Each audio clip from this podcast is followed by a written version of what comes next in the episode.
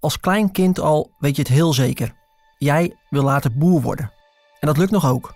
Je leeft je eigen droom. Totdat een hele serie branden die droom vernietigt.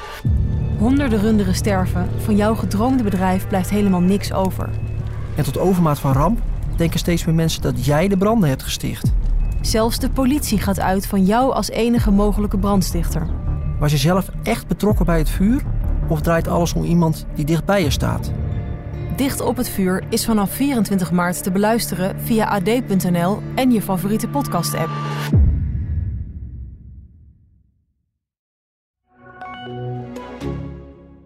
Hij kroop dan thuis achter de computer bij zijn moeder, uh, ging op marktplaats en deed zich daarvoor als uh, geïnteresseerde uh, koper van allerlei spullen. Garmin horloges, Nike's, apparatuur.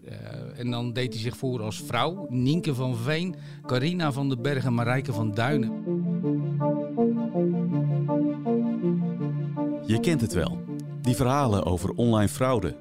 WhatsAppjes van mensen die zeggen je kind te zijn en geld willen fake sms'jes van je bank of fraudeurs op marktplaats. Maar wie zijn nou die mensen die dat doen? Zijn dat doorgewinterde criminelen of tieners met een hobby?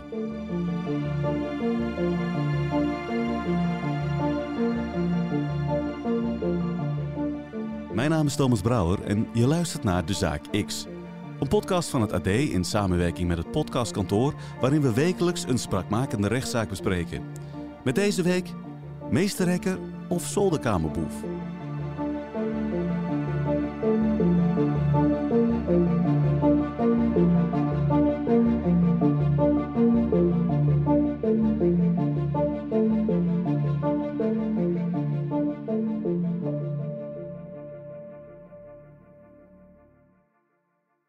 Het begon in 2020, dat hij bij zijn moeder uh, thuis zat. En uh, ja, zoals hij zelf zei, uh, ik had geld nodig.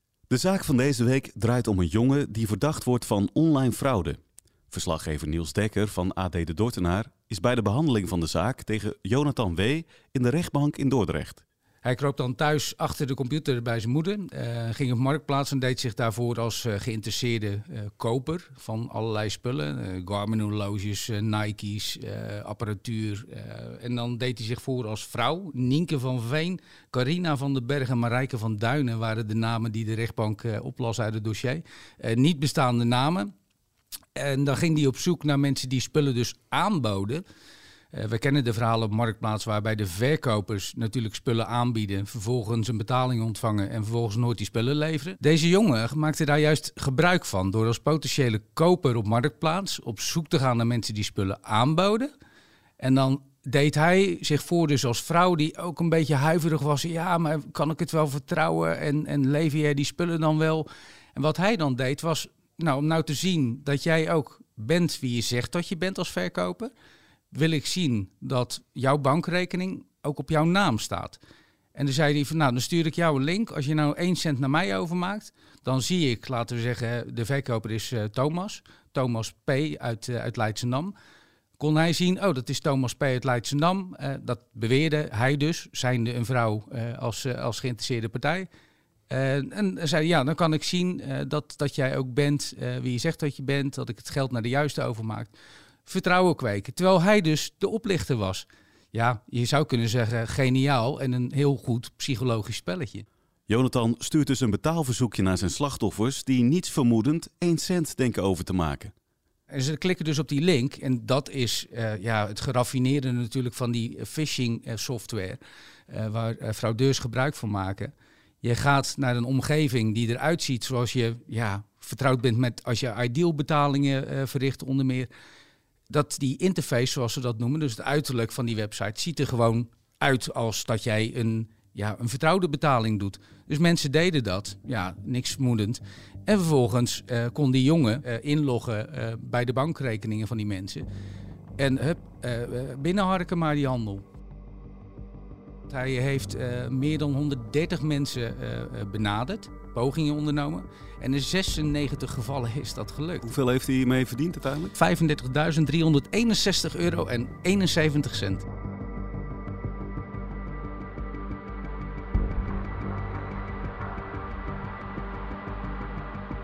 Jonathan maakt dus duizenden euro's buit bij bijna 100 slachtoffers. De officier van justitie vertelt in haar requisitor hoe Jonathan volgens haar te werk ging. Verdachte heeft zich op slinkse en professionele wijze wachtwoorden van nietsvermoedende internetgebruikers eigen gemaakt en daarmee online ingebroken op hun bankrekeningen en hen, of eigenlijk de banken, daarbij geld afhandig gemaakt. Naar de banken toe heeft verdachte zich voorgedaan als een bona fide gebruiker van de wachtwoorden en de bankrekeningen, waardoor de banken zijn bewogen tot afgifte van vele geldbedragen.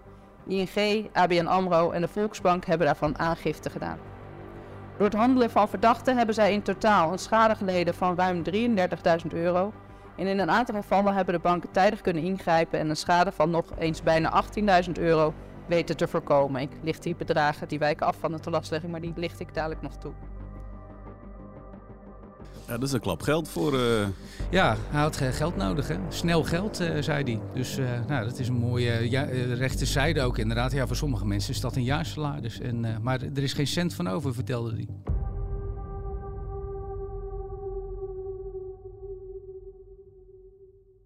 We horen natuurlijk wel vaker over hackers die dingen met een computer kunnen die jij en ik misschien niet voor elkaar krijgen. Was Jonathan nou ook zo'n jongen? Ja, nou, het is wel wat dat betreft weer een wereld voor me open gegaan. Want ik dacht dat uiteindelijk ook. En ik was met een uh, collega, uh, met, met wie we deze podcast uh, ook maken, Rick. En, en ja, we zaten ook te praten tijdens de rechtszaak. Dus ik dacht ook inderdaad, joh, wat is dit een goede, doortrapte manier. En die jongen, ja, die moet wel mega intelligent zijn. Nou ja, Rick is één tandje jonger dan ik.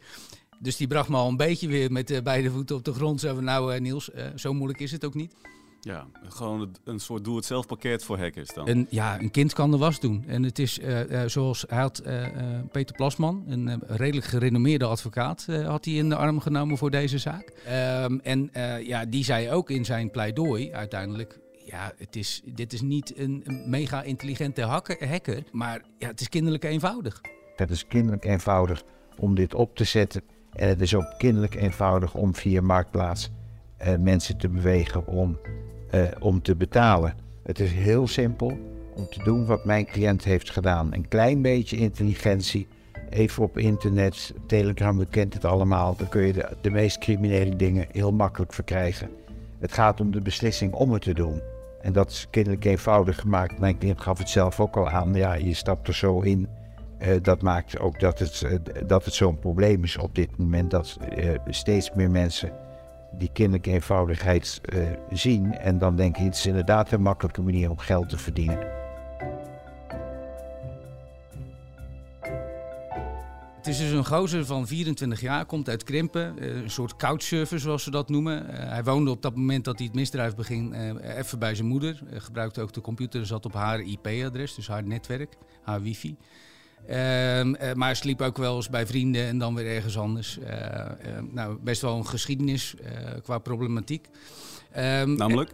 nou, dat hij in het verleden ook wel eens met justitie in aanraking is geweest. Um, en dat nou ook wel een beetje wat tijdens de zitting duidelijk werd, dat er ook wel wat persoonlijkheidsproblematiek bij deze jongen speelt. Die kijkt altijd als iemand de zaal binnenkomt lopen. Je weet niet hoe die eruit ziet. wat heb je? Nou, daar kwam een jongen in een trainingspak. Uh, en een uh, brilletje op en die ging naast zijn advocaat zitten. Um, en ja, hij was een beetje springerig, in die zin een beetje ADHD-erig, heel druk, ook qua praten. Best, ik praat snel, maar ik denk dat hij sneller praat dan ik. en he heel vaak woordjes als nee, nee, nee, ja, ja, ja, mm, mm, heel vaak. maar wel, ja, wel zelfverzekerd ook gewoon. Soms zelfs een tikkeltje hooghartig. Dat hij ook aan rechters, hè, want die gingen met hem het dossier doornemen, wat de politie had opgebouwd. Dat hij dan zei, uh, waarom stelt u deze vraag? Deze vraag is niet zo relevant. Wat je eigenlijk verwacht wat uit de mond van een advocaat zou komen. Maar ja, uiteindelijk ja, zat hij wel echt lekker op zijn praatstoel. De rechters hadden hem ook gevraagd om de microfoon goed naar hem toe te buigen, zodat de toehoorders in de zaal, daar zaten twee rechercheurs, iemand van de ABN AMRO en wij natuurlijk, dat wij hem goed konden horen. Maar hij ging uiteindelijk, vond hij dat blijkbaar zo leuk, dat hij dat kleine microfoontje ook echt met zijn hand beetpakte. En dat hij in die microfoon echt, dat dat door de zaal. Dus ja, een hele, hele wonderlijke jongen. Fascinerend.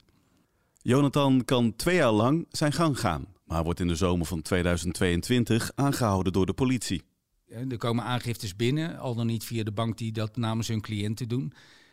Dan gaat de politie gaat, uh, onderzoeken. En, uh, ja, en dat tekent dus wel weer het amateurisme. Hij heeft niet het IP-adres van zijn moeder bijvoorbeeld afgeschermd. Want hij zat thuis achter de computer van zijn moeder. Ja, en dan is het eh, net zo kinderlijk eenvoudig als hij het geld blijkbaar heeft binnengehakt. Was het voor de politie ook kinderlijk eenvoudig om de verdachte te achterhalen. Want dat IP-adres, ja, dat bleek op een adres in Krimpen aan de IJssel te zitten. Bij zijn moeder. Ja, en toen was wel duidelijk wie dit had gedaan. Niet zijn moeder. Of Jonathan nu een geraffineerde hacker is of niet, feit blijft dat hij duizenden euro's buiten heeft gemaakt. Daarom komt de officier tot een flinke eis. Drie jaar cel, waarvan één jaar voorwaardelijk. In de rechtbank ontstaat er echter discussie over het aantal slachtoffers in de zaak. Uiteindelijk hebben de drie banken waar al deze klanten zaten, de ING, ABN AMRO en de Volksbank, die hebben namens die cliënten uh, zijn zij uh, naar uh, de rechtbank gestapt, ook met een vordering, om dat geld terug te eisen, wat zij dus al vooruit hebben betaald aan hun cliënten. Ja, en dus zijn niet 96 mensen nu het zeg maar gedupeerd, maar drie banken. maakt het dan nog uit voor een, een strafeis? Volgens zijn advocaat Peter Plasman wel. Die maakte daar ja, juridisch gezien gebruik van die ene mogelijkheid om er een misschien iets lagere straf voor zijn cliënt uit te slijpen. Want juridisch gezien uh, is het een verschil of je schuldig wordt verklaard uh, of dat je 96 mensen hebt opgelicht of drie. Dus hetzelfde of je 96 mensen uh, met een mes hebt gestoken of drie. dat gaat qua strafmaat nog wel iets uitmaken. Kijk, los, vaststaat dat deze jongen veroordeeld gaat worden. Maar volgens Plasman uh, is het, uh, ja, OM, dan had je gewoon 96 mensen op die dagvaring en de telastenlegging moeten zetten. En niet drie banken. Omdat er maar drie banken zijn en de rest eigenlijk gecompenseerd ja, is. Nou, en de officier reageerde erop. Volgens mij, ik zag een glimlach bij de aanklager. Want het is, uh, ze heeft geduchte tegenstand met Plasman. Hè, die heeft ook Mohammed B. On, onder meer bijgestaan door de wol geverfd. Dus het is ook al een spel wat je daar zag. En je zag een glimlach bij haar. En ze ging daar heel sportief op in.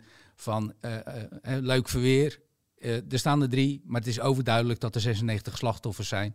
Uh, omdat de banken dat ook duidelijk hebben gemaakt dat ze namens die mensen uiteindelijk uh, daar staan en die vordering hebben ingediend. Maar ja, uiteindelijk is dat een kwestie van hoe gaat een rechtbank dat wegen. Als de rechter meegaat in de eis van het OM, gaat Jonathan twee jaar de gevangenis in. Een goede toekomst lijkt daarmee verkeken. Wat hij heeft gedaan, ja, we hadden het er net over. Een kind kan de was doen, en, maar je moet het wel doen. En het is hem ook in dat contact uh, waarbij hij zich voordeed als uh, vrouwen of uh, jonge vrouwen gelukt om mensen te overtuigen. Dus er zit wel een bepaalde mate ook van intelligentie en, en ja, doortastend optreden. Dat ook een rechters op een gegeven moment, hè, ze gingen praten over zijn toekomst. Dat ze ook een beetje, nou, misschien semi-serieus, maar ook wel een beetje gekscherend zeiden van ja, zou je niet de politie dan op een gegeven moment kunnen gaan helpen? Hij zei zelf, ik heb mijn intelligentie op de verkeerde manier gebruikt. Oftewel, en hij zei, ja, misschien uh, wil ik ook wel bij de politie, leek hem wel interessant. Of uh, rechter worden, of advocaat. Of, maar de officier was daar dus niet zo van overtuigd. Omdat ze zei, ja, je zegt wel allerlei dingen. Maar vervolgens, je zit al een half jaar in de bak. Je hebt nog helemaal geen plannen gemaakt. Je wil niet meewerken met de reclassering. Dus die houdt het een beetje op ja, mooie praatjes. En dat hebben zijn uh, onderzoekers, de mensen van de reclasseringen, psycholoog, psychiater, die hem dus wel beoordelen en ook kijken naar zijn verleden. Die hebben ook wel de kans op herhaling als hoog ingeschat dat als hij vrij zou komen, uh, dat het best wel eens zou kunnen dat hij gewoon weer vervalt in het oude gedrag. En uh, nou ja, de officier van justitie heeft dat ook wel in haar strafeis uiteindelijk tot uitdrukking uh, laten komen. Dat ze gewoon drie jaar cel eisten, waarvan één jaar voorwaardelijk. En dat voorwaardelijke deel dan op de voorwaarden, die hoeft hij niet uit te zitten. Als hij na die twee jaar dat hij dan mee gaat werken aan behandeling. dat gaat vanuit de reclassering en dat hij dus ja, gesprekken, uh, behandeling krijgt en gesprekken voert. En dat ze een oogje in het cel houden wat betreft zijn toekomst. Hè. Gaat hij werk zoeken? Gaat hij een opleiding volgen? En als hij zich dus niet aan dat soort dingen gaat houden die ook de reclassering opdragen. Dus kom op gesprek, kom langs, ga solliciteren. En als hij dat niet doet, uh, ja, dan gaat hij nog een keer een jaar terug naar de, naar de baaiers. Met welk gevoel loop jij nou zo'n rechtbank uit naar zo'n zaak? Nou, ik wel een ervaring rijker. Voor, voor een zaak die aanvankelijk, wat een van de rechters dus ook zei van nou is dit nou zo bijzonder. Maar wel dat je, uh, misschien dat het wel eens ergens anders bij een rechtbank is voorgekomen. De eerste keer dat ik het op deze manier op Marktplaats heb gezien. Dus je bent wel ervaringrijker, dat vind ik wel het voordeel hiervan. Dat wij er nu ook over praten.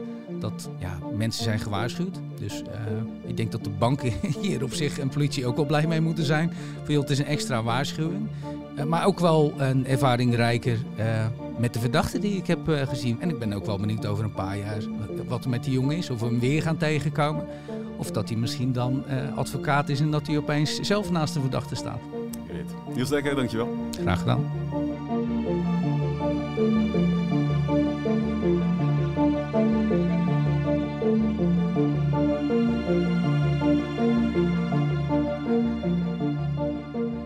Zaak X is een wekelijkse podcast van het AD en deze aflevering werd gepresenteerd door mij, Thomas Brouwer. Aan deze podcast hebben meegewerkt David Achter de Molen van het podcastkantoor, Rick Bolt, Joost de Kleuver en Deborah Boekhout. Ben je benieuwd naar de uitspraak in deze zaak? Zodra deze bekend is, vind je die op ad.nl/slash dezaakx. Vond je dit een goed verhaal? Laat dan vooral even een review achter, zodat we beter vindbaar worden voor nieuwe luisteraars. Wil je ook de volgende aflevering niet missen? Abonneer je dan op dit kanaal.